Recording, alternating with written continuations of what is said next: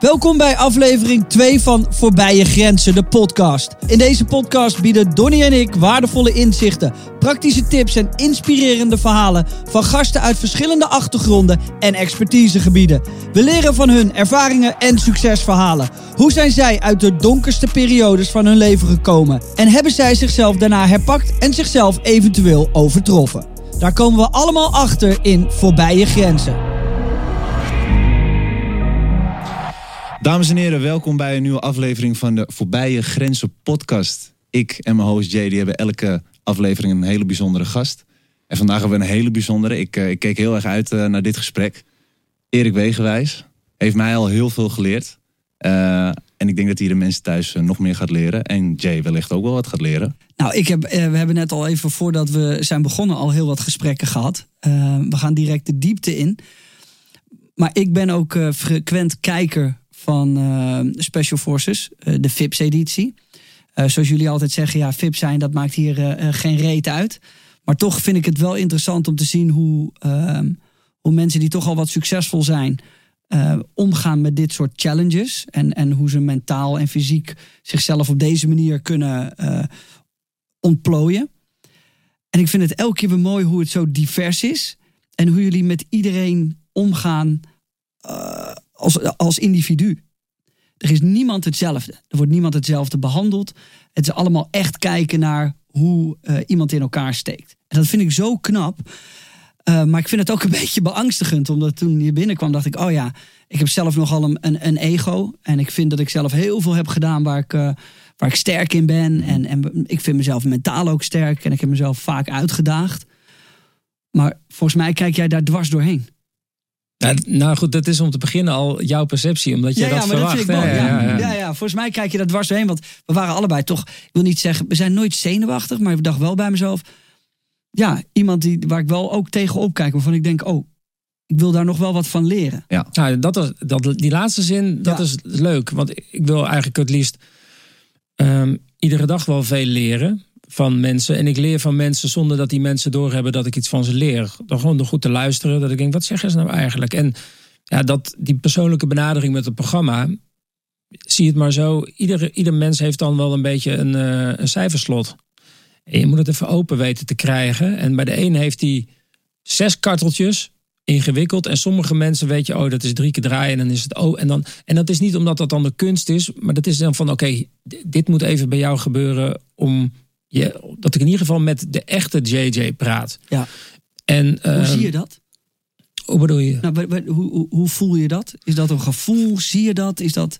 Ik denk dat dat, ik denk dat, dat uh, alles bij elkaar is. Dus op voorhand weet je het niet. Maar het is gewoon toch opmerkzaam zijn op de kleinste cue, verslikking, blik, houding, inhoud. Dat ik denk, deze inhoud die je nu vertelt klopt niet met wat je daar vertelt. En ja, of je daarna loopt eh, in de loop van de jaren beter in wordt. Of dat dat dan uh, iets. Uh, weet je, de ene is goed in puzzelen. En, en, en ik ben hier dan blijkbaar uh, handiger in. maar altijd je oprechte nieuwsgierigheid behouden. En zo lang mogelijk dat oordeel uitstellen dat je denkt dat je het wel snapt. Dus, en dan af en toe ook uh, niet te stellig zijn, maar gewoon de vraag stellen. De kunst van veel vragen stellen.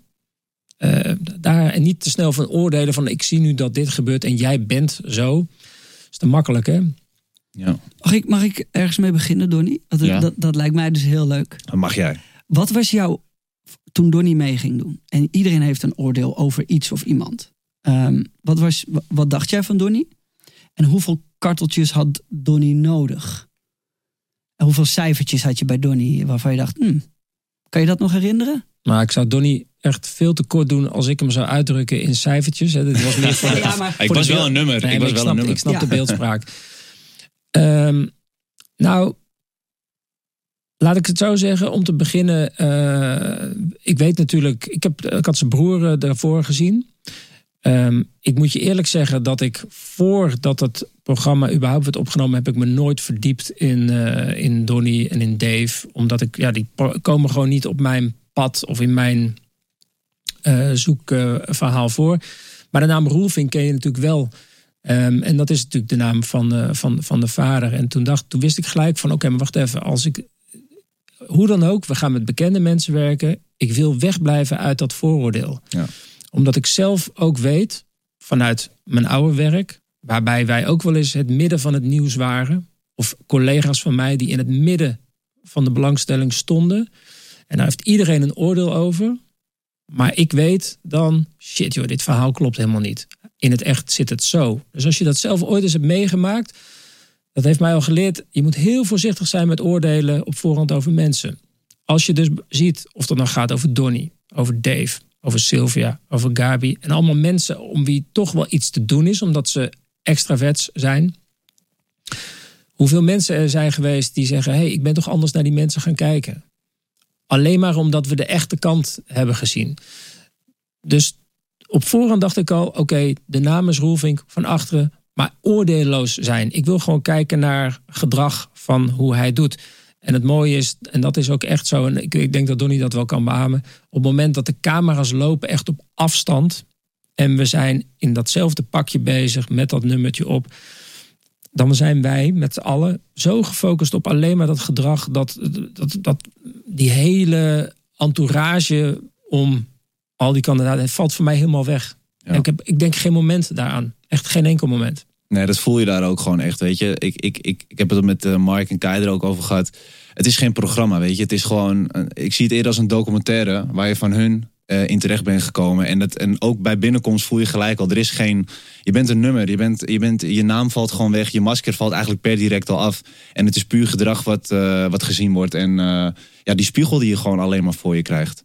Dus, dus nee, ik voelde me ook totaal niet van, oh ja, ze zullen misschien toch wel voor, voorafgaand, uh, voorafgaand wel iets van een uh, oordeel voor over mij hebben gehad. Nee, dat had ik ook totaal niet. Nee. nee. Hoe moeilijk is het om geen oordeel te hebben?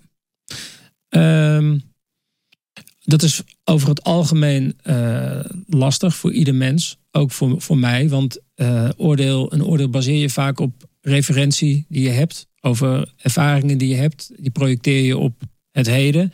En daar vorm je een oordeel. Je zintuigen hebben al heel veel waargenomen. Ik heb heel veel gedrag gezien. Maar het feit dat je je daar bewust van bent dat het moeilijk is.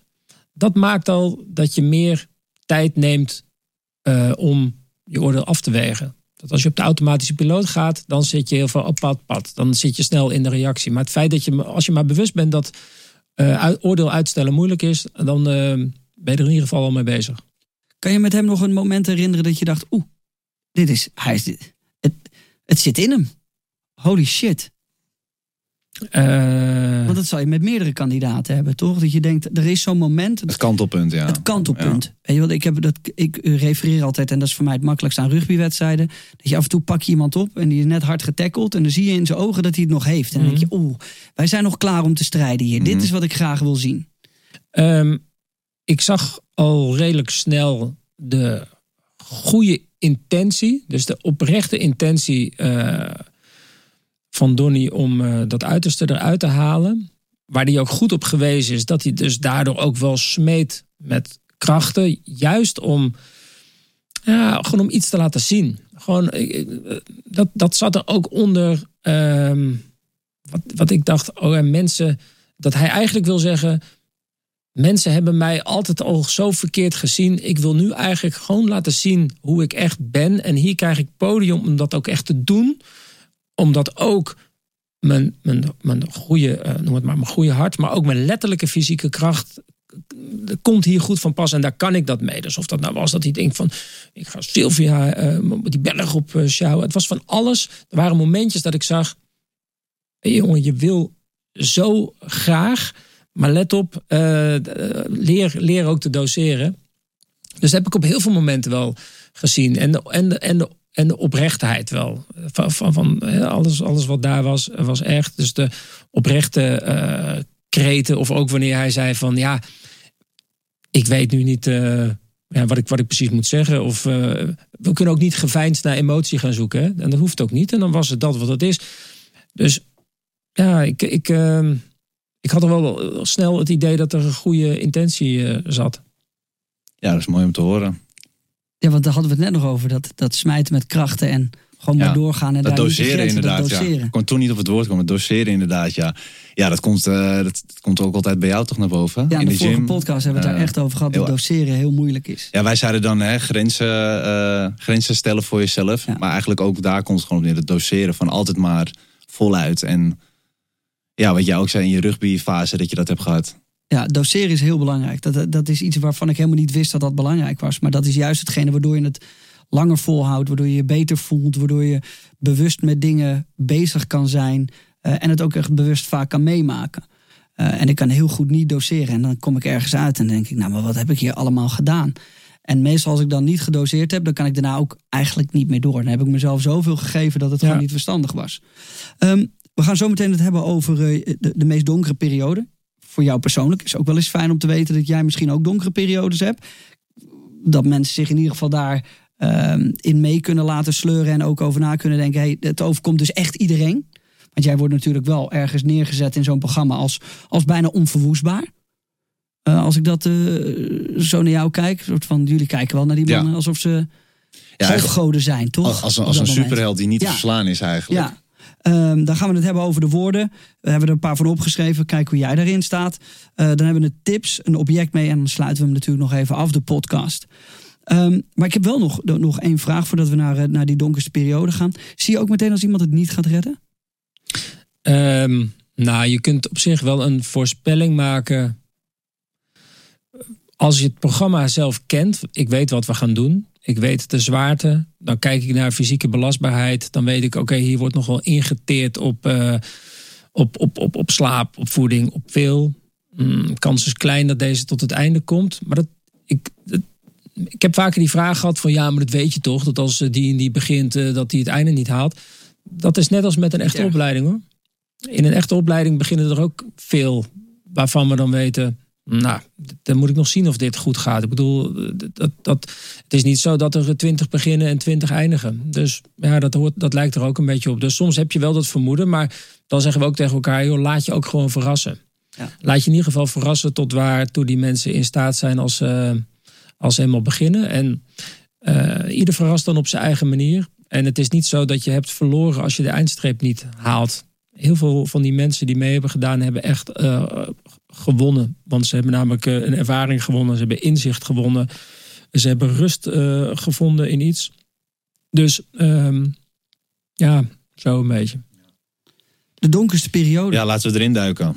Ja. Want heb, heb jij donkere periodes? Heb je die gehad of heb je die nog steeds? Nou, dat is, dat is een hele mooie vraag. En dat gaat ook over die andere eh, woorden die, ik, eh, die, we- die we gaan behandelen. Kijk, het enige wat wij als mens met elkaar hebben om te communiceren, dat is taal.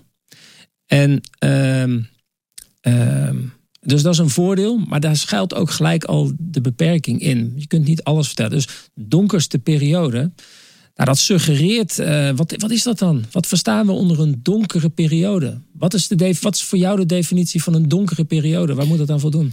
Eh, Nou, een periode waarvan je eigenlijk niet direct weet hoe je eruit komt. Waarin je ehm, het heel moeilijk vindt om hulp te zoeken. Waarin je jezelf nooit had voorgesteld dat je eventueel daarin zou kunnen belanden. Maar dat je vooral ook niet weet hoe je eruit komt. Ja, dat je gewoon letterlijk ook even geen licht ziet. Gewoon. Ja. Dat het gewoon... Dat je eigenlijk liever in je bed blijft liggen. Mhm. En dat je denkt, nou, ik ben oké zo. Ja, want kijk, donkere periode. Kijk, mensen. eh, de mens houdt gewoon van veerkrachtverhalen. Daar houden we van. Kijk maar naar iedere film. Het, is, het begint altijd een beetje kabbelend. En op een Heel gegeven moment gaat er Mhm. iets omhoog. En op een gegeven moment flikkert iemand helemaal naar beneden. En dan komt de Ja. resilience. En dan gaan we. En dan denkt iedereen: ja, dat wil ik ook zijn. Dus die mensen hebben dan een soort van donkere periode. Ehm, ik heb wel een keer eh, dat ik een soort. Ja, dat ik me even iets minder lekker voelde. Maar of dat dan donker is, dat weet ik niet. Hè? Dat is in die the Beholder en het is ook gewoon je eigen. Maar als ik dan eh, dus echt donker als in, ik sta op een brug en ik, eh, ik moet er vanaf, dat heb ik nooit gehad. Ehm, dat ik eh, een keer naar de wereld heb gekeken en dat ik dacht, ik begrijp het eigenlijk niet allemaal. Dat heb ik wel eens gehad. Was ik heel jong. Was ik denk 15, 16. En dat zit in de leeftijd waarin je tussen, tussen puber en jongvolwassene komt. Dat je denkt, Dat je, dat je in staat bent om jezelf al wel de grotere vragen te stellen. Ga je denken over uh, dood, over sterfelijkheid en hoe zit het eigenlijk allemaal? Nou, van mijzelf heb ik een hele filosofische inslag. Dus wat er dan gebeurt, is dat je eigenlijk te jong bent voor die grote vragen, omdat je ze nog niet in perspectief kan zetten, waardoor ik de hele dag in mijn hoofd zat. En uh, dat je denkt, ik, ik, ik kom er maar niet achter hoe het dan zit. Dus ik, blijkbaar wilde ik vrede hebben met, uh, nou, met, met, ik weet veel, met de grote vragen, de grote spelregels van het leven. En hoe, hoe zit dat nou eigenlijk allemaal? En toen kreeg ik, uh, zat ik in de vierde of zo, in de vijfde, kreeg ik uh, filosofie. En toen zei mijn leraar, die zei, als je hier komt voor antwoorden, dan moet ik je teleurstellen. Je krijgt alleen nog maar meer vragen erbij. En ik ga je leren dat het oké is dat er heel veel vragen zijn waar je geen antwoord op krijgt. En dat is prima. Um, dus ik, ik I wanted to wrap my head around it. Het is best een bewust moment geweest. Ja, het is best wel een bewust moment. Uh, omdat ik toen ook dacht, de, iedere dag, weet je, kan je als een puber kan je van die mood swings hebben. Dat je denkt, oh. En dat je dan wakker wordt en dat je denkt, heb ik weer diezelfde gedachten. En, ik, en, en, en dan denk je, kan ik, zou ik deze, deze vervelende gedachten ooit nog eens een keer niet denken? Kan me niet voorstellen hmm. dat, ik, dat dat gaat gebeuren. En toch um, kan je dan terugwerkende kracht zeggen dat. Uh, ben ik dan achtergekomen dat aandacht richten gewoon een keuze is. Dat jij zelf kan beïnvloeden waar je wel en niet aan denkt. En dat je zelf kan beïnvloeden waar je goed op gaat en waar je slecht op gaat. Want als jij het niet doet, dus als jij denkt dat je er geen controle over hebt. En jij denkt, ja, het gebeurt maar iedere dag in mijn hoofd. En zie je, dan denk ik weer dat. En dan voel je je los. Dan gebeurt dat ook. Dan gebeurt dat ook. Dus, dus um, alleen toen kon ik er ik, ik was zelf nog een beetje aan het experimenteren op mijn, op mijn 15e, 16e, 17e. Maar dat was gewoon puur weg je kijk op het leven, zeg maar. Kijk op het leven, gewoon van, van waar moet het nou naartoe? Ja. Waar, wat, wat, wat moet ik nou gaan doen? Ik had geen flauw idee. En dan denk ik, ja, en, uh, en hoe zit. En het leuke is, ik had hele goede vrienden, heb ik nog steeds. En wij maakten elkaar wel deelgenoot van die vraag. En dan moet je dus als jongen, moet je, moet je wel even voorbij dat testosteron, om gewoon te zeggen, joh ik weet het niet precies, maar ik, ik, ik, zit hier en hier en hier mee. Maar omdat je, ik ben een redelijke extravert van mezelf.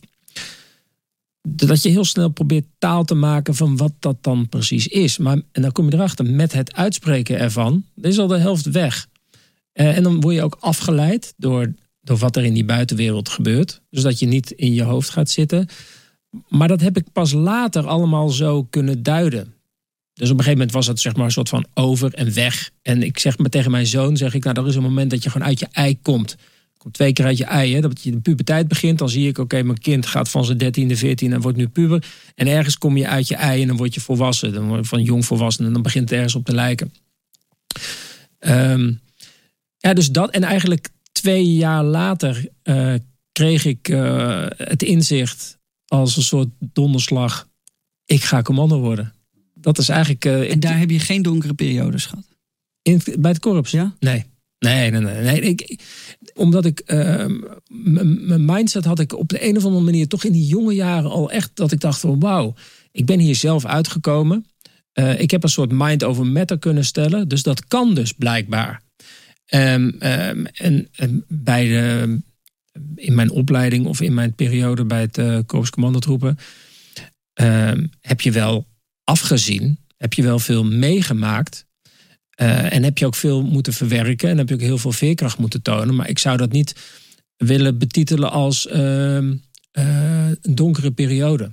Nee, dat is meer zo van het zat wel eens tegen. Ja, maar een donkere periode kan bijvoorbeeld ook zijn uh, dat er iets in je, in je, familie gebeurt, met een familielid, iemand wordt ziek of iets. Is, ga je daar dan op dezelfde manier daarmee om?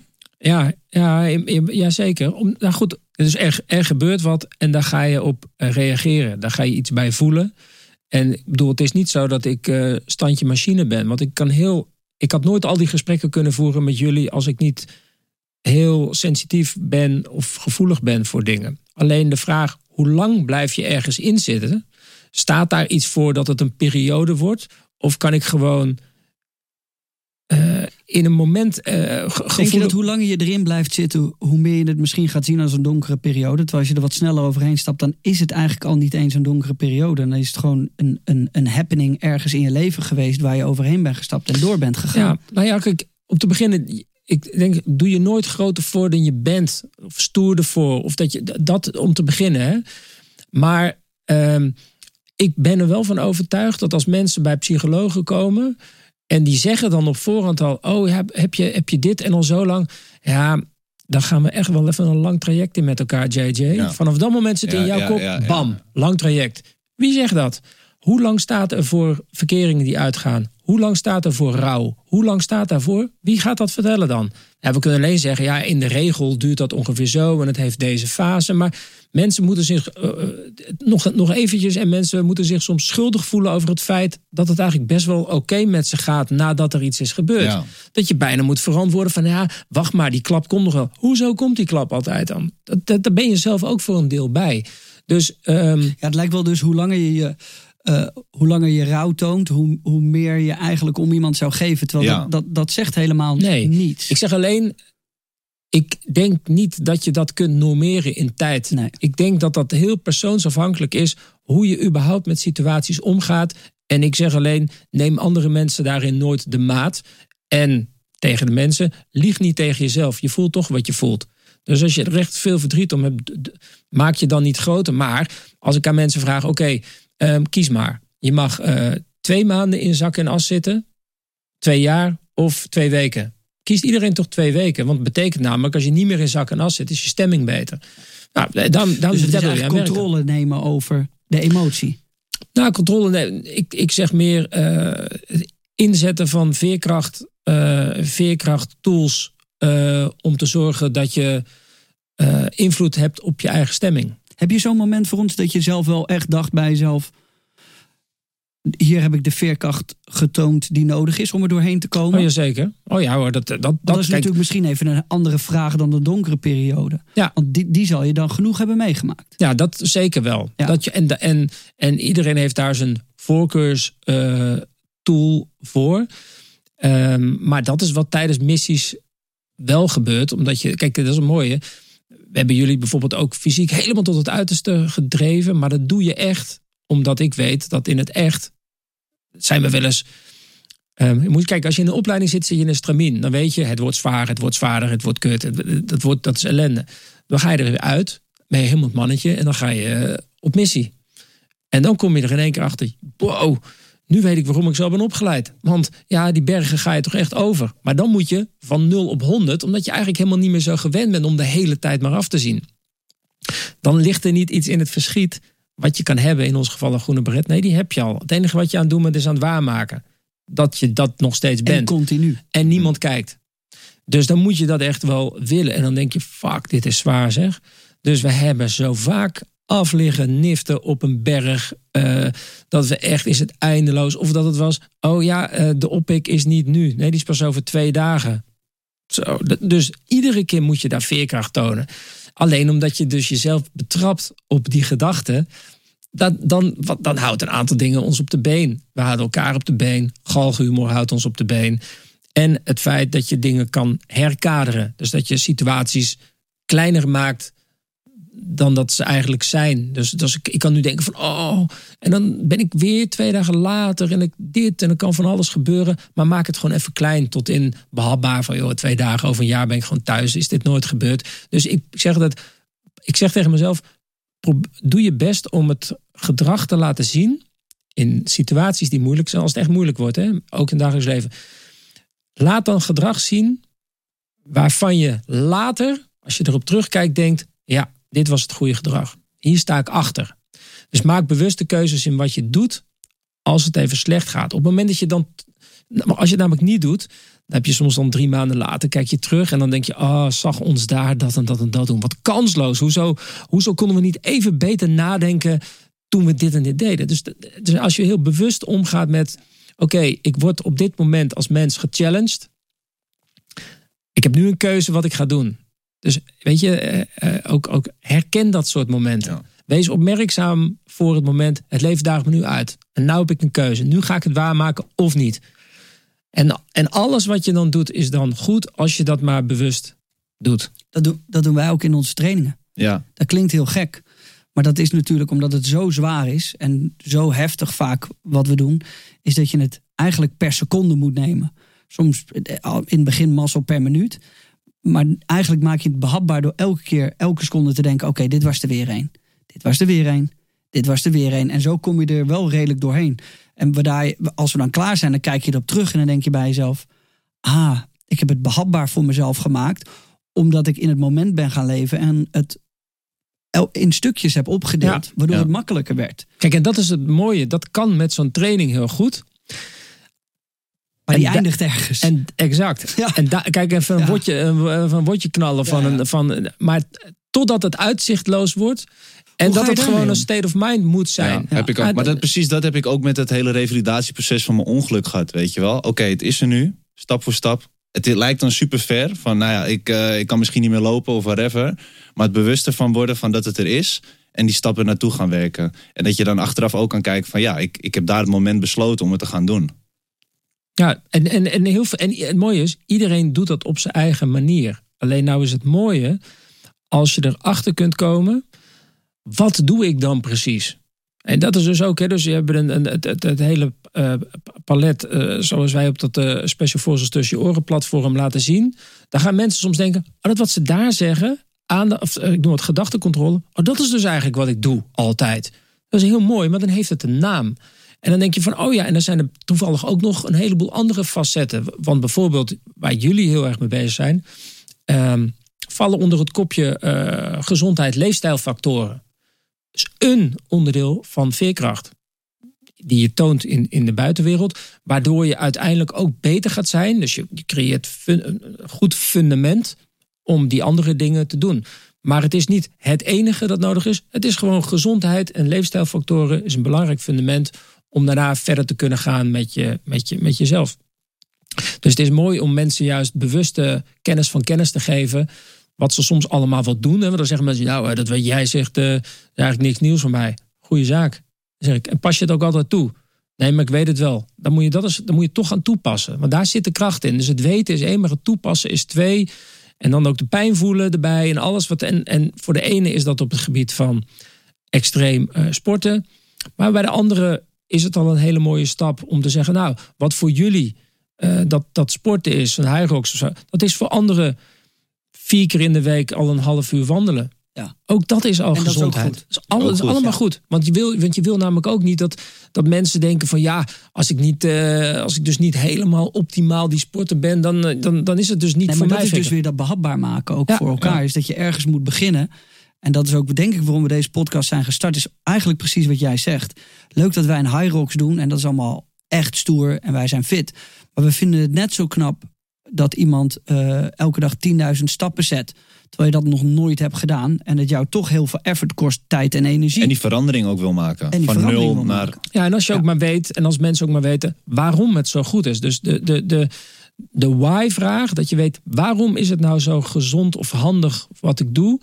Want dit maakt onderdeel uit van een doel waar ik naartoe wil. Dus, dus daarom is een heel belangrijk onderdeel van, van, van alles, van, van, ook van je, je leefstijl, is heb ik een doel dat in lijn ligt met de passie die ik voel? Is dat een realistisch doel? Is dat dus is niet een plat doel? Dus, dus, dus hè, wat ik al zei, een miljoen voor je dertigste is voor mij geen doel. Dat is hooguit een logisch gevolg wat niet anders kan, omdat ik iets doe wat mijn passie is. En, en, en als je dat kan vertellen, wat dan precies je passie is. Dus jullie zitten beide in de kracht van je leven. Jij in een nog jonge leven. Je hebt veel invloed, dat heb je allebei. Maar invloed schept een enorme verantwoordelijkheid voor mij. Dus het feit dat meer mensen kijken wat Erik Wegenwijs nu aan het zeggen is, dat betekent ook, daar moet ik me verantwoordelijk, moet ik verantwoordelijk mee omgaan. Want ik kan dus ook mensen, en ik zal er geen namen noemen, maar denk ik van joh, als jullie je invloed eens wat anders zouden aanwenden, dan zou je zoveel mensen kunnen bereiken op een goede manier. Ja. Doe dat dan. En daarom denk ik, kies zorgvuldig wat je, wat je doet. Want je, hebt, je, hebt, dus je, zit, je zit eigenlijk, je, je brandt van energie. Dat voel ik aan je. En dan denk ik ook, oké, Donnie, en nou, jij bent al wat ouder, maar en nu kanaliseren, zet dat heel goed in, weeg goed wat je zegt en wat je doet En wat je, wat je, wat je, wat je, wat je uit wil stralen. Overal waar je, waar je, waar je opkomt. En ik geloof erin dat als je dan een goede eh, eh, boodschap hebt. dan komt het allemaal vanzelf. 100 procent. 100%. Hoe, hoe ga je om met het feit dat alles tegenwoordig maar leuk moet zijn? En dat ehm, je werk, dat zeg je zelf ook, je moet het wel leuk vinden. Maar we worden er bijna mee geïndoctrineerd dat je moet iets doen wat leuk is. Omdat, ja, dat, anders, anders moet je het niet doen. Want als het niet leuk is, dan ga je er eh, ook niet succesvol in worden. Terwijl, ja, ik heb ondertussen ook wel geleerd, ik denk door niet ook, dat je ook heel vaak eh, een Mm. hoop niet leuke dingen moet doen om ergens te komen waar het wel leuk is. En waar de groei ook uiteindelijk ligt. Precies. Hoe, ga je, hoe, hoe, hoe zou je dat uitleggen? Nou ja, we, we staan met elkaar op een levensweg. Eh, daar heb jij 23 jaar van afgelegd. Eh, ik heb wat meer en jij ietsje minder. Daar zit een heleboel. eh, en, we hebben nog een, een, een- een weg te gaan. Eh, laten we zeggen in de richting van waar we graag willen zijn. Een, een passie wat ons, eh, wa- wat ons drijft. En daar ondertussen gooit die buitenwereld dus fastballs aan het gooien. En hindernissen aan het opwerpen. Ja, als jij, als ik iedere keer denk, oh joh, een hindernis, dat vind ik niet leuk. Maar deze hindernis moet ik nemen, want mijn, mijn, mijn ideaal of waar ik naartoe wil is nog steeds onveranderd. Maar dan moet ik dus middelen hebben om met die gebeurtenis om te gaan. En als ik iedere keer, als ik dan een hindernis tegenkom, dat ik denk, nou dan ga ik maar weer terug. Of ik ga niks doen. Of ik ga iets anders leuk vinden dat makkelijker is. Ja, dat is de makkelijke weg. Ehm, maar de vraag is, tegen wie lieg je nou eigenlijk dan? Want jij had toch dat doel, dat echte doel. Dat, dat, dat zo sterk is dat het niet anders kan dat je die kant op gaat. Ja, kijk, we doen het onszelf allemaal aan. Hè? Dus als wij bijvoorbeeld op onze social media zien we eigenlijk per definitie succesverhalen. Waardoor, die, waardoor iedereen denkt, dat is een beetje van vroeger was het al, vroeger Mhm. gingen mensen, gingen mensen vaak eh, eh, een jaar backpacken in Australië. Nou, die kwamen dan terug en die vertelden dan, want zo zit de geest in elkaar, even in een soort eh, eh, samenvatting, al die succesverhalen, waardoor iedereen dacht, fuck, ik moet Ik ook moet naar Australië. Australië. Moet naar Australië, ja. Alleen niemand vertelde dat verhaal dat ze helemaal zielig in hun eentje dachten: wat doe ik hier? Ik wil eigenlijk gewoon naar huis. En wat. Goh, goh, goh. En Alleen maar de hoogtepunten. alleen maar die hoogtepunten. Maar omdat niemand daar. Iedereen houdt elkaar dan voor de gek. En dat, dat is natuurlijk eigenlijk voor een deel ook wat we doen op, eh, op, op, op, social op social media. media. Waardoor we bijna het idee krijgen. Dus het is haalbaar. De hele dag een leuk leven. nou ja, dat is helemaal. Dat, dus dus ik, wij zeggen ook. We streven in onze binnenwereld naar welzijn. Dat is het enige product waarvan niemand zal zeggen: Nou, doe mij maar wat minder welzijn. Nee, dat willen we allemaal. Ja. Ons lekker voelen, tevreden voelen. En aan de andere kant willen we progressie boeken in de buitenwereld. Van hé, hey, ik ga vooruit in de richting van mijn doelen. En als ik dat haal, dan voel ik me in de binnenwereld beter. Want alleen jagen heeft geen zin. Daar, daar haal ik mezelf. Daar, dat is energy, eh, energy drain. Maar ehm, het is net alsof je een keer een dag niet kut mag voelen. Dat je dan gelijk eh, Nou ja, een donkere periode hebt. Nou, Ja. dat is helemaal niet zo. Ik heb echt ook echt dat ik dagen denk, nou, ik was niet vooruit te branden. Het was hem niet helemaal. Maar dan is de kunst, als je weet waar de sleutels liggen, dan kun je jezelf ook anders gaan, eh, noem het maar, dan kun je ook je gedachten beïnvloeden. Dus je kunt je mind ook gewoon zetten van, hé, hey, jank het. Hoezo was dit zo'n dag? Doe dan ook niet dit, dit en dit. Mm. Ga dan dat doen. nou, dan doe ik een goed gesprek ja. met mezelf. En dan ga ik eh, de volgende dag wordt beter. Want deze maak ik niet we meer. dat eh. niet genoeg. Goede gesprekken met onszelf hebben. Ja, en eerlijk zijn denk ik ook eerlijk wel. jezelf. Dat je ja. gewoon ook zelf wel weet waar, die, waar, die, eh, ja, waar die sleutelmomenten liggen, maar dat je ze niet pakt. Zeker, zeker. En, en, en dat is ook de, de eh, ja, goed, weet je, de diepere lagen waarom je nou de dingen doet. Want, want eh, nou ja, ik heb Donnie natuurlijk leren kennen het programma. En ergens ze- ze zat toch, en daar hebben we het ook over gehad. Ik weet hoe belangrijk het voor je was. Daar zit een deel die eh, erkenning in. Van, joh, dit is wat jij was. Dus er was niks, geen social media belang bij. Dit was, jou, was jij in de puurste vorm. En dan Ja. denk ik, ja, hou, hou, hou dat vast. Alleen, het is hardnekkig. Dus ik zie, en we zijn gewoon eerlijk met elkaar. Ik zie ook gewoon, denk ik soms Don, dat wat je post... joh, mijn erkenning heb je al lang. Mhm, Je, je, je- het is echt allemaal oké. Je zou vanuit die rust mhm. en die, eh nou ik zeggen, een beetje die eh, zelfbeheersing... dan zou ik denken, oké, als ik jou was... En ik had eindelijk rust van jongens, ik weet inmiddels echt wat dat ik kan. En ik heb ook een passie. Ik vind het hartstikke leuk om nieuwe dingen te ondernemen, doen enzovoort. Dan zou ik vanuit die, ik zou je, ik zou je zeggen, dat vind ik een mooie eigenschap. Stay humble. Jij komt echt wel waar je moet komen. Niet, niet overhaasten. Dat hoeft helemaal niet. En dus ik, we, hebben, we zien je. Iedereen ziet je. Iedereen ziet jullie allebei. En ik denk, en nu hebben jullie een mooi platform. En wees zo zorgvuldig met hoe je mensen in beweging wil zetten. En waarmee. En welke lessen. Want je bent fucking 23. Je bent hartstikke jong hè. Ja, 25 dus, 25. Maar ik vind al dat je al heel veel dingen uh, al... Uh, weet en je met dingen bezighoudt waarvan ik denk, nou, daar hield ik me toen op mijn drie, vier of mijn 25ste nog niet helemaal mee bezig, maar dat doe je al wel. En dan denk ik, oké, hartstikke goed. Ik wil dat, je kan ook, dat, kan, dat kunnen wij zeggen omdat we wat ouder zijn Ja. natuurlijk. Dus dat zie je. Ja. Dat is ook waarom ik graag met Donnie deze podcast wil maken. Is omdat ik hem op 25-jarige leeftijd... is die toch al een paar stappen verder dan, dan ik was op die leeftijd. Zeker. 100 procent. Zeker. Dus het is ook best wel makkelijk om voor ons te zeggen van... nou Donnie, doe rustig, want geloof... jongen, als jij op deze manier doorgaat, dan komt het voor jou helemaal goed. Ik zat daar gisteren nog aan te denken. Toen dacht ik, ja, het is zo fijn dat ik met Donnie deze podcast Ja. doe. Omdat ik weet, en dat gun ik hem ook... dat ik geef hem 10 jaar, dan is die, is die 35... Ja. Maat, dan heb jij. Dan Ja. heb je ook nog meer rust gevonden. En Ja. dan, het gaat zo goed komen allemaal. Ja, Nee. helemaal. En, laat, maar, en, en dus het goede, hou goede mensen om je heen. Ja, heel Goede belangrijk. mensen die jou eh, spiegelen, niet naar je bek praten. Die gewoon zeggen, niet doen, wel doen, doe je goed, lekker. En blijf jezelf ook gewoon, blijf jezelf je grootste eh, kritische vragen Ja. stellen ook. Hè? Nee, ik, waarde- ik waardeer heel erg dat je dat zegt. Want ik betrap mezelf zeker erop hoor. Ik hoor wat je zegt. Ik, eh, ik val soms weer een beetje in dat eh, oude gedrag. En we hadden het ook over, ook met het trainen, weet je wel. Dat eh, het doseren nog eh, af en toe wel nog een, eh, ja, een, een, een zoektocht eh, voor mezelf is om het uiteindelijk echt te vinden. Maar eh, nee, ik, ik waardeer wat je zegt. Ehm, voordat we nog even voordat we doorgaan naar, naar de woorden die we hebben uitgezocht. Eh, dat, is, dat is mijn laatste vraag. En daar zit ik zelf ook wel eens mee. Ik merk dat, dat ik over de jaren, omdat ik dus ook wat ouder ben, er makkelijker mee om kan gaan.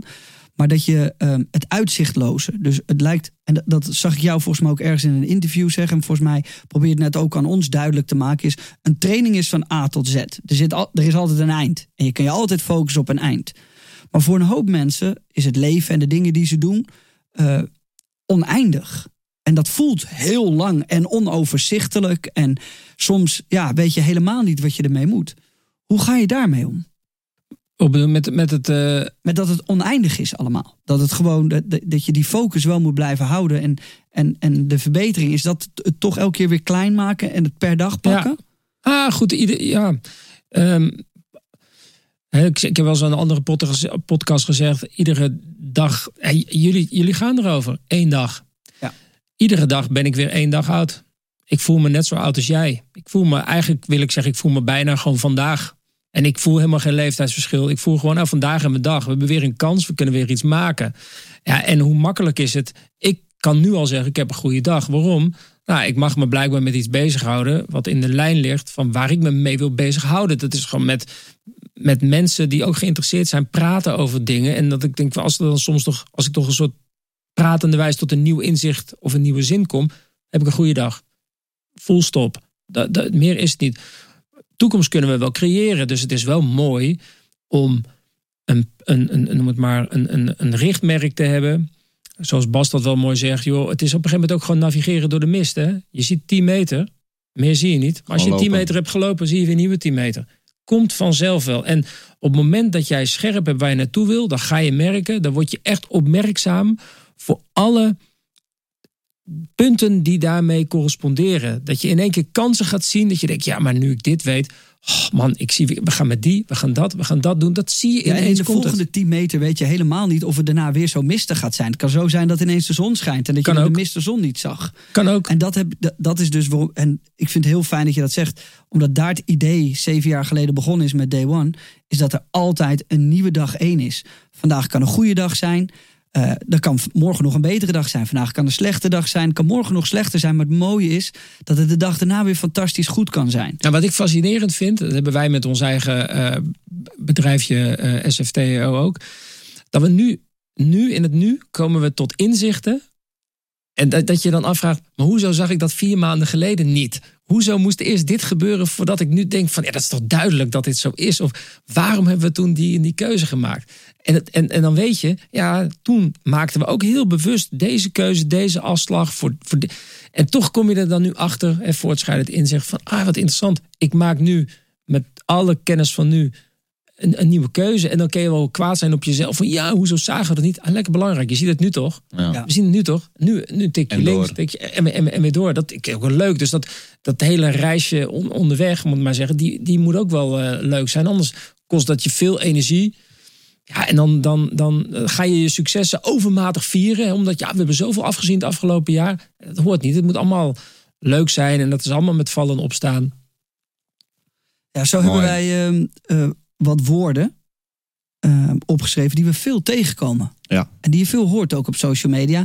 Waarvan je niet direct altijd weet, wat betekent Wat- het? Wat Maar houdt het nou eigenlijk maar in? wat houdt het nou Ja. in? Maar Ja. wat betekent het voor jou? Ja. Je komt het heel vaak tegen. Het zijn meestal quotes van eh, motivational speakers die iets roepen waarvan jij denkt, ja, ik weet alles wat je net hebt gezegd klinkt heel leuk, maar, maar wat Voor mij is het anders. voor mij is het anders. Wat betekent het voor mij? Dus eigenlijk willen we met elke gast wat van die woorden doornemen, zodat wij met z'n allen uiteindelijk nadat we de podcast hebben geluisterd, Ja. ehm, een, een eigen inzicht kunnen hebben in wat het voor ons zou kunnen betekenen. En een van die dingen die wij eh, veel tegenkomen, is het woord comfortzone. Ja, Weet je wel, stap uit je comfortzone, waar daar begint het. Ja. Hoe, hoe kijk jij daar tegenaan? Wat, wat betekent dat woord voor jou? Dat, dat- waar we het net over hadden. Dit is dus precies taal. Ja. Comfort betekent comfort. Dus iets, dit suggereert al een plekje waar je het lekker hebt. Dat is het. En, eh, en, en dus ook een, een, een zone. Maar dat hebben ze modelmatig zo weergegeven. Je hebt een comfortzone, dan heb je daarnaast een challenge zone en dan heb je uiteindelijk een panic zone. En de kunst is om die, zoals dat in het model, vereenvoudigde weergave van de werkelijkheid, alleen dat, dat ze zeggen, nou, alsof daar een soort arbitraire grens omheen loopt. Maar alles wat met grenzen te maken heeft, want dat is ook een vraag. Om te beginnen, wie heeft die grens getekend? Die stellen we zelf. Net als de wereldbol. De grenzen, als je erop staat, denk je, oh ja, dit was dus. Ik ben nu in dat andere land. Dus ook dit is, die grenzen, die hebben we blijkbaar zelf gesteld. En dan moet ik dus eigenlijk over een grens gaan die ik zelf heb gesteld. Ehm, dus dan wordt het al iets geks. Eigenlijk is het een soort gevoelsmatig. eh, eigenlijk alles wat nieuw is, in de breedste zin van het woord, zou je kunnen zeggen: nou, is dat dan uit de comfortzone? Want nieuw is per definitie, ik ga iets onwennigs doen. En als we dat dan frame als de challenge zone, dan lijkt het net alsof er iets, oeh, iets, iets engs gaat gebeuren. Maar ik ga iets nieuws doen. En als wij in de regel iets nieuws doen, dan heb je daar, eh, dan krijg je daar soms in je lichaam een kleine arousal van. Van oh ja, ik ga iets nieuws doen. Dus ik ging hier net voor de eerst met jullie zitten.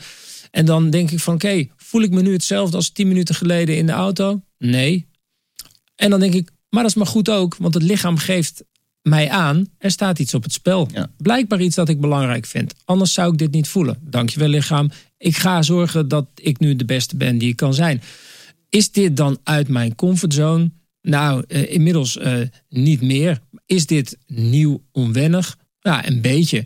Dus ik, als, je, als we al dat, eh, als je dat comfortzone eens een keer op een andere manier zou bekijken en je zou gewoon denken dat alles wat nieuw is, wat onwennig is, waar je nog geen referentie hebt, in de breedste zin van het woord, ehm, dat dat die zone is. Als je dan, dan, dan vreemdt het al heel, heel anders. Dus ja, comfortzone, dat is gewoon de, de mens met zijn gewoontegedrag. En het klinkt ook, wat ik vind, vaak heel extreem. Kom uit je comfortzone, doe iets, want dan leer je het. Dan denk ik, ja, maar ja, voor iedereen is dat anders. Ja, maar kijk, dus, dat, dus nogmaals, het is, dit komt allemaal vanuit de modelmatige weergave. Dus als jij zegt, dat is een heel plat geslagen, zoals het bedoeld wordt, kom uit comfortzone. Ik doe iets wat ik nooit deed.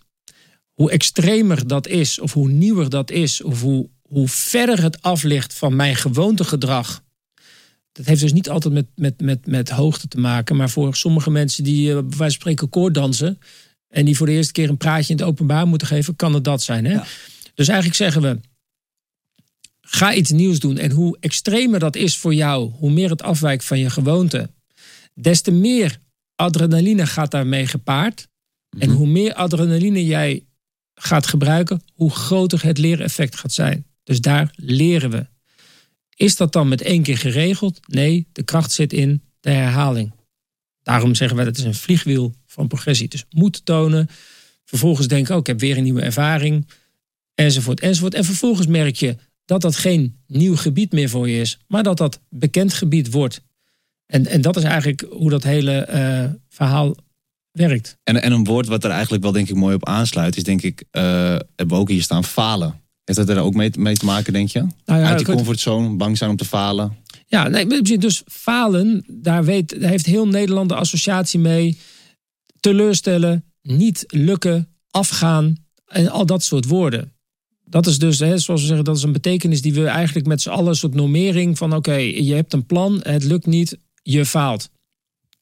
Dan heb je natuurlijk ook de mensen die zeggen: nee, falen kun je vervangen door leren. Dat is ook zo. ja. Alleen met het woord leren zeggen, daarom voelt het nog niet zo. Hè? Dus, dus we, kunnen er, we kunnen het allemaal mooi uitleggen. Maar ergens eh, stel je dan jezelf echt teleur, of is het vaak, dus faal je ten opzichte van jezelf, of gaat het over het gezichtsverlies naar de buitenwereld? Is Zo. dat het? En vind Ja. je dat dan Zo. echt erg? Die is, die is goed. Ja, Die is goed, want dat is natuurlijk de waarheid. Hè? Want eigenlijk driekwart van de tijd, als ik me nu herinner wat ik over de laatste tijd waar ik onzeker over ben geweest of wat ik moeilijk vond, Ja. was eigenlijk nooit nee, zelf. naar mezelf. Was altijd naar, oké, wat zouden die mensen ervan denken? Wat zou mijn familie, maar ook de mensen die mij volgen of alles bekijken al- wat ik is doe? voor mij ook altijd zo geweest. Altijd. Ja, dat is, dat is, kijk, dus als jij, als jouw eh, activiteiten veel plaatsvinden in, zoals we dat noemen, de buitenwereld. De buitenwereld, waarin wij met onze zintuigen kijken, daar luisteren we naar, daar vangen we iets op, dat halen we door die hersenmachine, daar maken we vergelijkingjes mee en daar geven we betekenis aan. En dat, dat, dat zorgt ervoor dat als, jou, als je je hele leven iets hebt gedaan en het lukte niet en het gevolg was schaamte, nou dan is dat, zit dat lekker ingebakken in je systeem. Dus dat kost even wat moeite om daar niet mee bezig te zijn. Nou, welke instrumenten heb je? Nou ja, je kunt je aandacht bijvoorbeeld niet meer richten op wat mensen van je vinden. Nou, jullie zijn exposed. Ik een heel klein beetje, maar jullie zijn exposed. Dus als iedereen nou bij aflevering 1 zegt... Jezus, van een kutverhaal. Had je niet een andere gast kunnen nemen? Jullie gaan toch kijken. Wat vinden mensen ervan? En toch acuut als je het leest... Pap, even een kleine dolk, want ik heb zo mijn best gedaan. Maar eigenlijk zou het zo moeten zijn... als wij hier straks die microfoons dichtzetten... en hij zegt, ik heb het allemaal niet. Kut, ik heb het niet opgenomen. Dat we toch denken, lekker gesprek man. Ja, gesprek was het Wij toch. vonden dat het een goed gesprek was. Als wij dat dan al vonden, hebben we ook gezegd met, die, eh, met, eh, met Special Forces VIPs. Al, dan gaat er dan al die terabytes gaan over de grond en een deel gaat over de lucht. Als we nou zeggen dat het allemaal in de fik vloog, mensen, dan hebben wij fantastische acht, hele bijzondere acht dagen met elkaar gehad. Dat doet er niks, maakt Nee. niet uit wat al die mensen daarvan gaan vinden, of het wel of niet wordt uitgezonden. Wij weten dat het bijzonder was. Sterker nog, zo heb ik iedere commandoopleiding eh, gedaan. Alleen daar eindigt het met, je mag een groene bret op je hoofd zetten. Maar hoe bijzonder het was, dat weten de mensen die er waren. En daarvan zeggen wij, dat was toch goed? Ja, staan we er allemaal achter? Ja. Maakt niet uit wat de rest dan vindt. En dat is wel iets om je tegen te wapenen. Want als je merkt dat je er last van hebt, dan heb je één instrument. En dat is, waar richt ik mijn aandacht op? Dus als je je aandacht er al niet op richt op alles wat jou bad vibes geeft, dat is jouw keuze. Dat heeft niks te maken met de struisvogel met zijn kop en zand. Nee, zeg maar, daar richt ik gewoon mijn aandacht niet op. Dus dan geef ik er ook een andere betekenis aan. Ik, vond, ik vind het mooi, de dingen die ik aan het doen ben. En ik ga niet steeds maar afvragen wat iedereen ervan vindt. Kan ik geen kant op. Dan ben ik wel heel. Wat vind ik dan zelf nog? Een goed vragen. Wat vind je dan eigenlijk zelf nog? Het, is allemaal, het, het, het valt en staat eigenlijk allemaal bij jezelf. Die, jezelf de juiste vragen stellen. Daar begint het mee.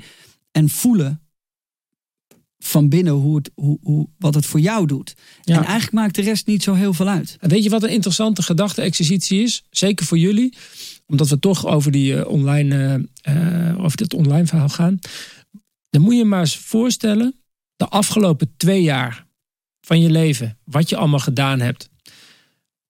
Had je precies dezelfde dingen gedaan? Precies hetzelfde. Had je hetzelfde gedaan? Had je hetzelfde gezegd?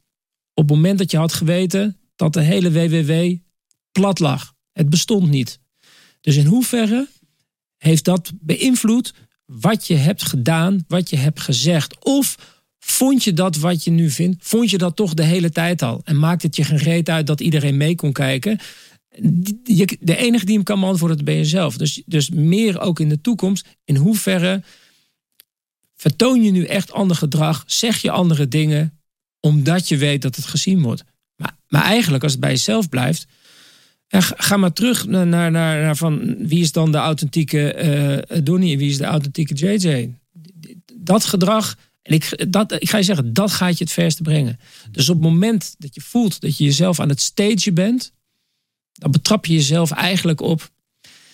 Eigenlijk ben ik dit niet. Daar, daar lieg je al een beetje.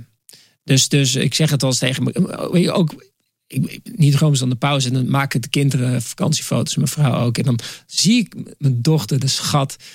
Hoe jong ze ook is. En dan loop ik er langs en dan zie ik haar met die camera. En dan zeg ik, duckface. En dan, dat- dus toch, toch, dat, toch dat framen. Ja. Dat, dat- mensen doen dat. Maar als het, je, als het je, je, je werkgebied is, de digitale wereld met alle bereik die je hebt, ja, dan is het goed om af en toe jezelf de vraag te stellen: gedraag ik me nog authentiek? Omdat Ja. je die verantwoord...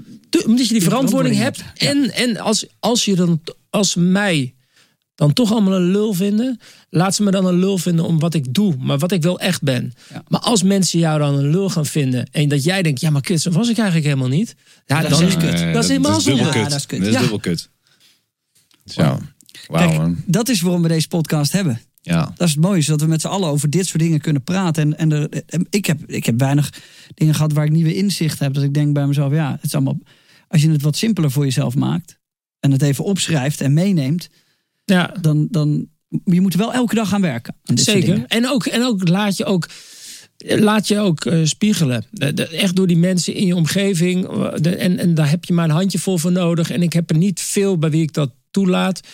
Ehm, maar als mensen echt zeggen van. eh, als mensen echt iets tegen mij zouden zeggen, sommigen. Zeggen, hey, ik weet niet wat jij doet. Zou ik niet doen, joh. Ja. Dan zeg ik, oh, wacht even, hij zegt het. Ja. Sommige mensen, iedereen lult me. Maar denk ik, wacht even, zeg jij dat? Waarom zeg je dit nu precies Ja. dan? En vooral in deze wereld waar wij dan in Zeker. zitten, om het zo maar te zeggen. Daar is het helemaal belangrijk om gewoon iemand naast je te hebben. Zeggen van, eh, ja, Ja. wat zijn we aan het doen, weet je wel. Want daar heb je 9 van de 10 keer alleen maar ja-knikkers. En, En- daar word je ook niet beter van. Of het zijn je concurrenten, dan is er afgunst. En dan willen ze je een andere kant op praten. Maar je moet gewoon dus. Dus eigenlijk wat ik altijd eh, adviseer, ook bij bedrijven. Ehm, ik had het zelf in de ploeg. Ik zeg, je moet altijd zorgen dat je een thermometer hebt. Een thermometer, sociale thermometer. Iemand die jou gevraagd en ongevraagd advies geeft. Iemand van wie je weet, die kijkt nooit op tegen mij. Die huilt nooit mee met de wolf in het bos. Nou, dat is altijd Bas voor mij geweest. Als Ja. hij tegen mij zei, ik weet niet wat jij aan het doen bent hoor, maar eh, zo, dan ging ik echt even Ja. goed luisteren. En nog, hè, als hij tegen mij iets zou zeggen, dan zou ik dat heel serieus nemen. Denk ik, dit zegt hij niet zomaar. Hij kent mij goed, hij gunt me alles, maar hij spiegelt wel heel eh, strak. Hebben we in ieder geval een onderwerp. Weet je, dat, ik gun, iedereen, ik Ja. gun iedereen zijn eigen eh, thermometer. Mooi man. Dan gaan we over naar praktische tips. Maar we hebben al zoveel tips, eh, denk ik, nu gehad. Vind ik ook een mooie. Ja, een dat is wel leuk. Die, die, eh, ik zag me ook, ook even om aan te raken. Ehm, dat is het veel geziene filmpje over die Amerikaanse marinier... dat je weer je bed moet opmaken iedere dag. Oh, David Goggins. Ja, dan- kijk. Wat ze bedoelen is dat mensen slijten routines in om nieuwe gewoontes aan te maken. In een opleiding doe je dat heel veel. Waarom? Je hebt een doel. En blijkbaar horen die routines bij het behalen van dat doel. Namelijk, ik wil die opleiding halen. Ehm, dus eigenlijk ook in gezonde leefstijldingen. Daarom zitten routines erin. Niet omdat het routines zijn, maar omdat je nieuwe gewoontes aan wil maken in jouw systeem. Nieuwe neuropaadjes. Die hersenen moeten dat snappen. Oké, dit doen we dus iedere dag vanaf nu. Moet ik echt vaak doen, anders lukt het me niet. Ehm, maar een routine voor mij is niet zaligmakend. Ik heb wel een rode draad in mijn leven. Dus ik wil gezond genoeg zijn. Ik geef mezelf een brede vangrail. Ik ben niet te streng voor mezelf. Want ik weet dat als ik... Stel je voor, je hebt het een strakke routine, man. Zeven dagen in de week doe jij hetzelfde. En toevallig lukt één dag niet. Dan kan je bij wijze van spreken jezelf wel op je donder geven. Dat je denkt, ja, ik heb weer gefaald. Terwijl ik denk, hé, ik heb een rode draad. Ik wil een haalbare, gezonde leefstijl hebben. Waarin ik me goed voel.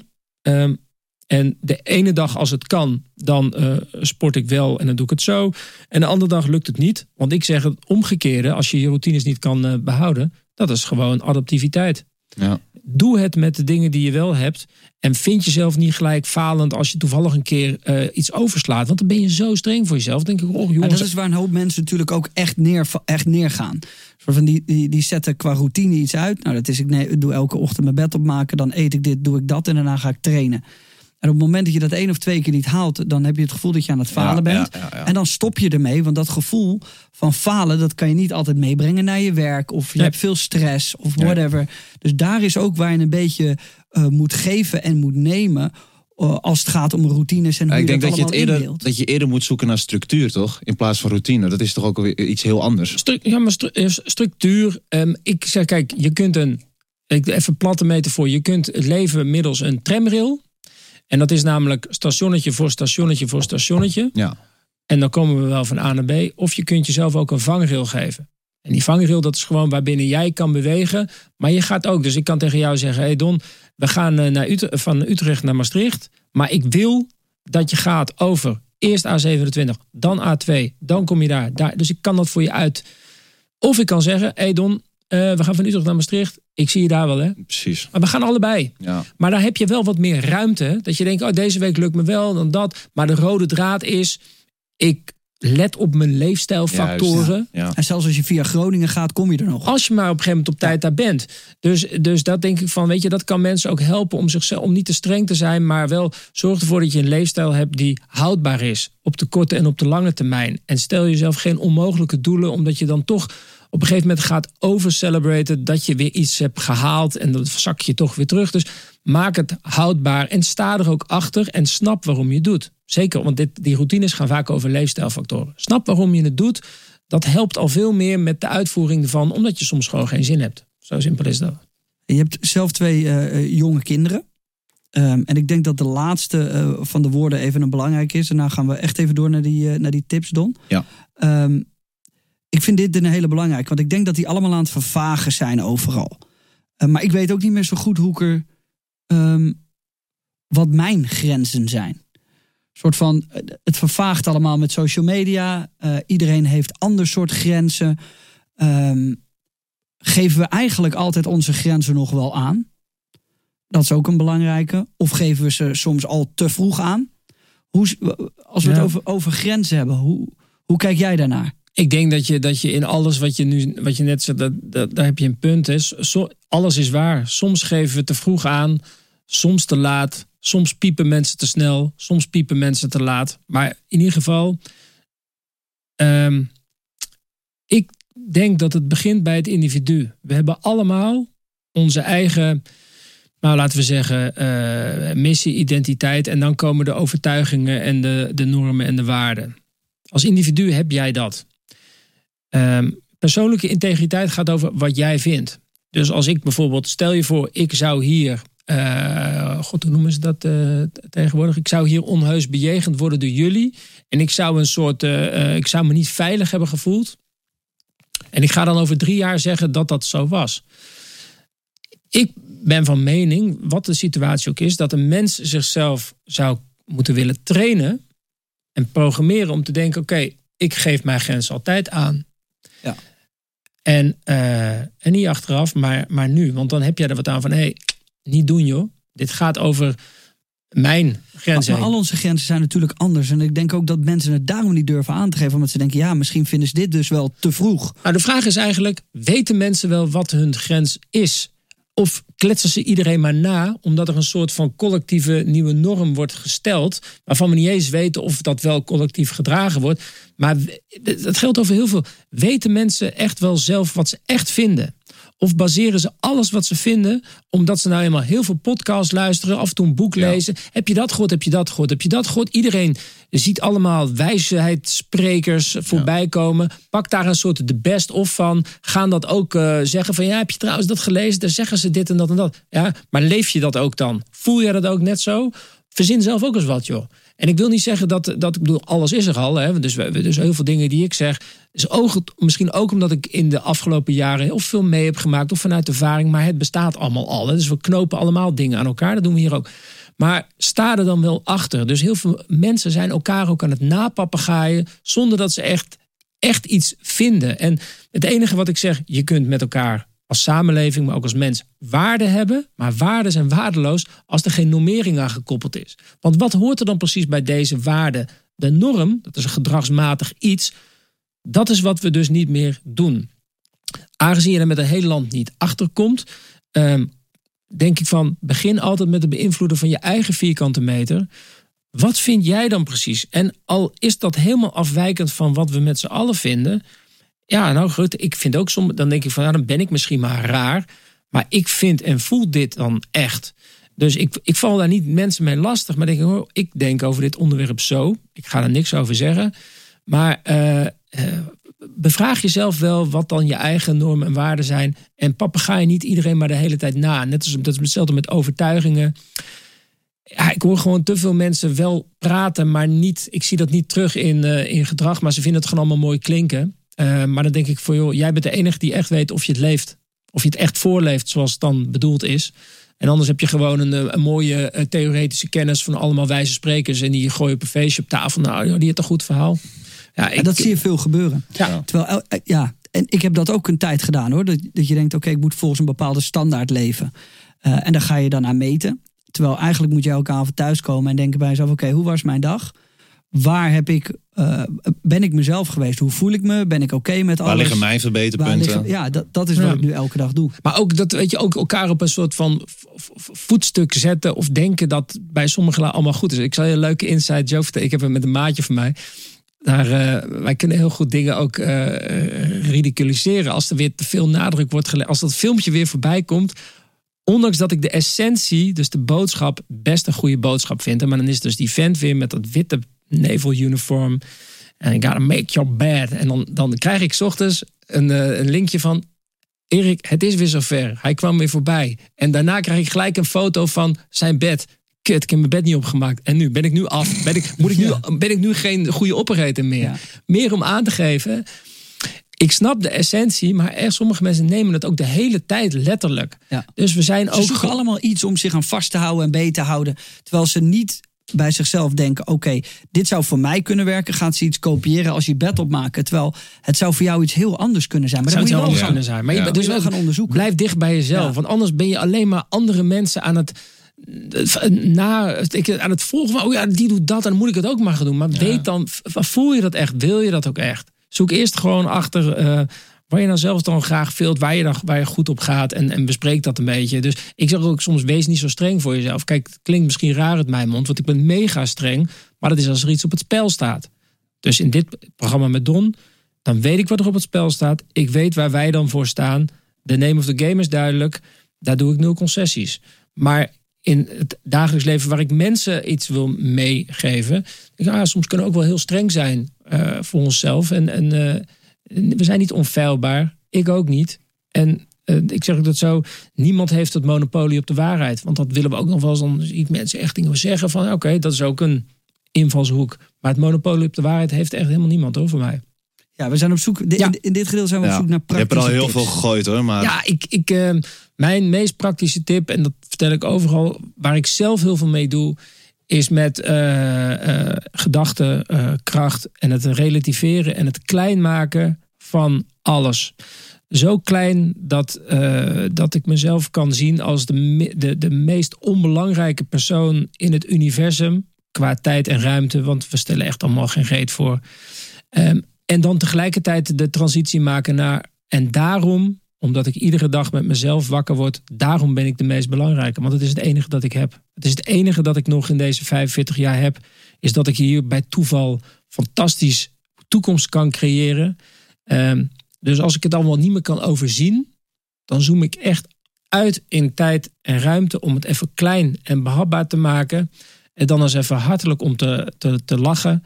Uh, en dat ik daarom denk het leven is toch gewoon één grote speeltuin. Ja, dat zei je toen ook bij, uh, bij Special Forces. Af en toe even die helikopterview op jezelf echt, gooien. En dat doe ik echt heel veel. En als je dat vaak doet, dan word je er heel snel in. Ja. Het helpt mij echt om problemen te relativeren. Om uh, een overwhelming iets in te kaderen. Om eens goed te kijken, wat ben ik nou allemaal doen? Doe niet zo belangrijk, joh. Um, Heb je een voorbeeld? Van iets waar je dat laatst nog hebt gedaan? Zodat we het nog meer... Um, nou, dat is als ik, uh, als ik dan een hele. Uh, drukke maand voor de boeg heb. En ik moet echt pieken. En ik moet echt op mijn best zijn. En dan speelt er van alles. En een nieuw tv-programma. En nog een ander. En lezingen. En overal. Dat je bijna denkt. En dan denk ik, ik ga heel even naar een plekje. En dan neem ik even afstand. En dan denk ik, ah joh, over anderhalve maand. Wat is nou tijd? Wat is nou tijd? En dan, ik moet gewoon echt even alles die puzzel. Ja, dat heb je eens in een andere podcast gezegd, toch? Ga je op een bankje ergens zitten en dan ga je gewoon Ja. echt eventjes eh, de lucht in. Ja, en, en als je dat snel kan, als je het vaak doet, kan je het heel snel. En ik wil het gewoon, eh, bij wijze van spreken, eh, straks in mijn auto kunnen doen. Om alles gewoon even goed te, te containen. En daar krijg ik ook daarna ook weer de beste ideeën van. En dat houdt ook, dat maakt ook gewoon dat je daar soort rust hebt. En dat je overzicht houdt. En dat je, dat je, dat je, dat je bij tij- en, de- maar dat je er ook helemaal, dat ik ook gewoon echt in het leven kan duiken. Hè? En dat ik denk van te volle genieten wanneer het over, eh, over het moment gaat. Maar ook uitzoomen op het moment dat ik denk, nu moet het echt even. En dat alles dus voorbij gaat. Dat had ik bijvoorbeeld op mijn, mijn expeditie. Dan zit je daar op zo'n eiland. En verveling is het allerergste. Maar op een gegeven moment weet je gewoon, nou, ja, gisteren is voorbij gegaan. Dat zal vandaag ook voorbij gaan. Ja. En, en dan morgen ook. En Ja. ik denk dat ik dit gewoon ga redden. Al is het 60 dagen. Omdat, Ja. ja, of het 60, 30, misschien wordt het wel 90. Maar uiteindelijk gaat het voorbij. En dat je denkt, is eh, gewoon zo. En, en dat je nog verder kan denken, dat je denkt, nou ja, over een jaar is het nooit gebeurd, joh. Nee, ja, dat. Precies. Dan kijk je erop terug. Denk je, heb ik dit echt gedaan? Ja. En dan denk ik, en dan denk je van, oh, dan kan maar beter zorgen dat ik nu ik hier toch zit, echt heel bewust allemaal dingen doe waar ik achter sta. Want als ik mezelf over een jaar terugzie en ik denk, oh mijn god, wat was ik aan het doen? Dan baal ik ervan. Ja. dan heb ik nu een kans. Bewust uitzoomen. Ja. Hey, eh, goeie Erik, aan het eh, einde van de podcast vragen we ook altijd of onze gast eh, een object eh, met zich mee wil nemen. Dat is natuurlijk niet de piep. Niet? Nee, Nee. nee. maar ik, eh, ik heb erover nagedacht. En ik heb een, Een eh, foto mag ook een inderdaad. fotootje. Ja, en die heb dat- ik vanochtend nog gemaakt. Ehm, ik geef best wel wat lezingen in het land. En ik begin altijd op dezelfde, of met de, dezelfde eh, slide. En dat is deze. Ik weet niet of mensen dat kunnen ja, zien. die doen we in beeld wel eventjes. eh. Kijk, Ja.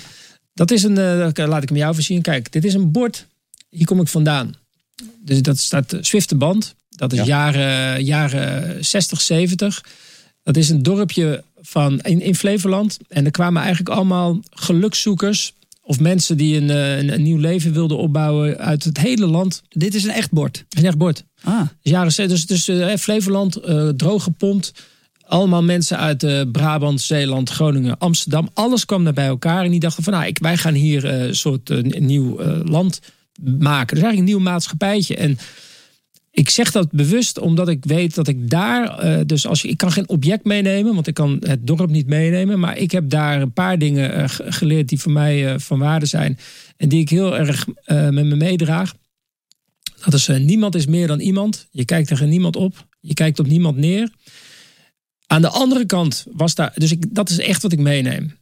Ehm, en mijn vrienden, die ik inmiddels al meer dan 40 jaar ken. in alle diversiteit.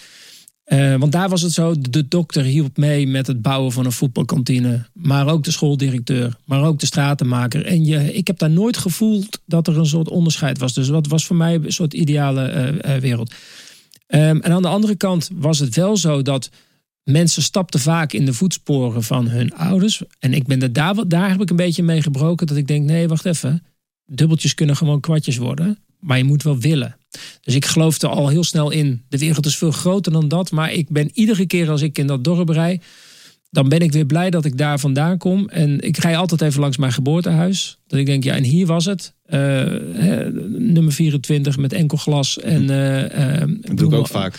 en dan denk ik van, en dat wil ik nooit vergeten. Ehm, eh, dus dat, omdat ik weet dat het heel veel invloed heeft gehad in hoe ik denk, hoe ik eh, nooit opkijk tegen iemand. Eh, nou, zeker in deze wereld helpt mij dat enorm. Ik, omdat ik er gewoon niet goed op, op ga. Maar ook nooit mag neerkijken, zal neerkijken. Ehm, dus ja, dat is voor mij altijd. ik breng altijd even een ode aan de plek waar ik vandaan kom. Prachtig, Erik. ik heb een hoop geleerd. Ja, onwijs. Boekje was Shit. niet groot genoeg. het is echt, ik dacht, ik dacht, ja, het is toch, eh, ik heb wel wat dingetjes gehad waarvan ik dacht, oh ja, ik moet, vooral hele belangrijk in deze podcast, vond ik dat, we hoeven het niet te doen voor de buitenwereld. En eh, dat doen wij niet alleen omdat we natuurlijk online aanwezig zijn, maar ik denk dat iedereen dat doet. Je doet vaak dingen voor de buitenwereld. Wat denkt iemand van me? Wat vinden ze van me? Terwijl als je nog meer naar jezelf toe gaat en echt gaat kijken naar wie je bent en of je het voor jezelf doet en of je daar gelukkig van wordt, dan maakt het ook eigenlijk niet zo heel veel uit Nee. wat de rest denkt. Nou, weet je, we zijn toch. we zijn- mensen zijn allemaal wel een beetje ijdel. Tuurlijk. Ik ook, jullie ook. En het is lekkerder als iemand het fijn vindt wat je zegt. dan dat iedereen het allemaal kloot vindt. Dus dat is ook zo. Eh, maar we- wees dan wel trouw aan wat je zegt vanuit jezelf. Dan kun je daar in ieder geval niet tegen liegen. En wat de rest vindt, ja, weet je, dat vindt toch de rest. Ik heb daar geen invloed op. Ehm, dus, ik, ik, ja, dus, dus het is alleen maar lastig als mijn geluk. Mijn goede gevoel steeds maar afhankelijk is van wat Van er in de anders. buitenwereld gebeurt. Van iets externs waar Van jij niks, externs. waar jij Dat- niks dat- aan kan ja, doen. ja. Dankjewel daarvoor. Ja, Erik, heel erg bedankt dat je hier aanwezig wilde zijn. Jay, wat te zeggen? Ik moet, eh, ik moet nog even, even alles verwerken. Even Vind ik leuk. Ik denk dat ik hem zelf misschien ook nog wel even een keertje ga naluisteren. Nee. Voor iedereen die hier op Day One aan het kijken is, jongens, vergeet niet even te abonneren. Laat even in de comments weten wie jij hier nog meer zou willen hebben in onze podcast. Alle ideeën zijn welkom. We luisteren eh, naar jullie. Mocht je nu op Spotify aan het luisteren zijn, eh, doe dan even ons vijf sterren geven. Als je daar de tijd en de energie voor hebt. Ehm, we hebben nog even een, een, een woord, Erik, altijd aan het einde van de podcast. Maakt ja. niet uit wat voor woord. En die kunnen dan de mensen in onze DM gooien op Instagram. En dan weet je dat ze tot het einde hebben geluisterd. Codewoord. Het is een Ah, codewoord. mag zijn. alles zijn. Want dan weten we dat ze die commitment hebben getoond en dat ze bij ons horen. Ehm, Eerst de beste wat in je opkomt. Maar niet uit. ad- adaptiviteit. Mooi. Mijne, Zo. wa- mijne was tennisracket. Ook een mooi woord hoor. Zit, zit een klein beetje verschil voor je. Erik, mogen we jou bedanken. Het was een, eh, een hele leerzame en fijne podcast. Dank jullie wel voor het kijken. Dit was Day One en tot later. Tot de Ciao. volgende keer.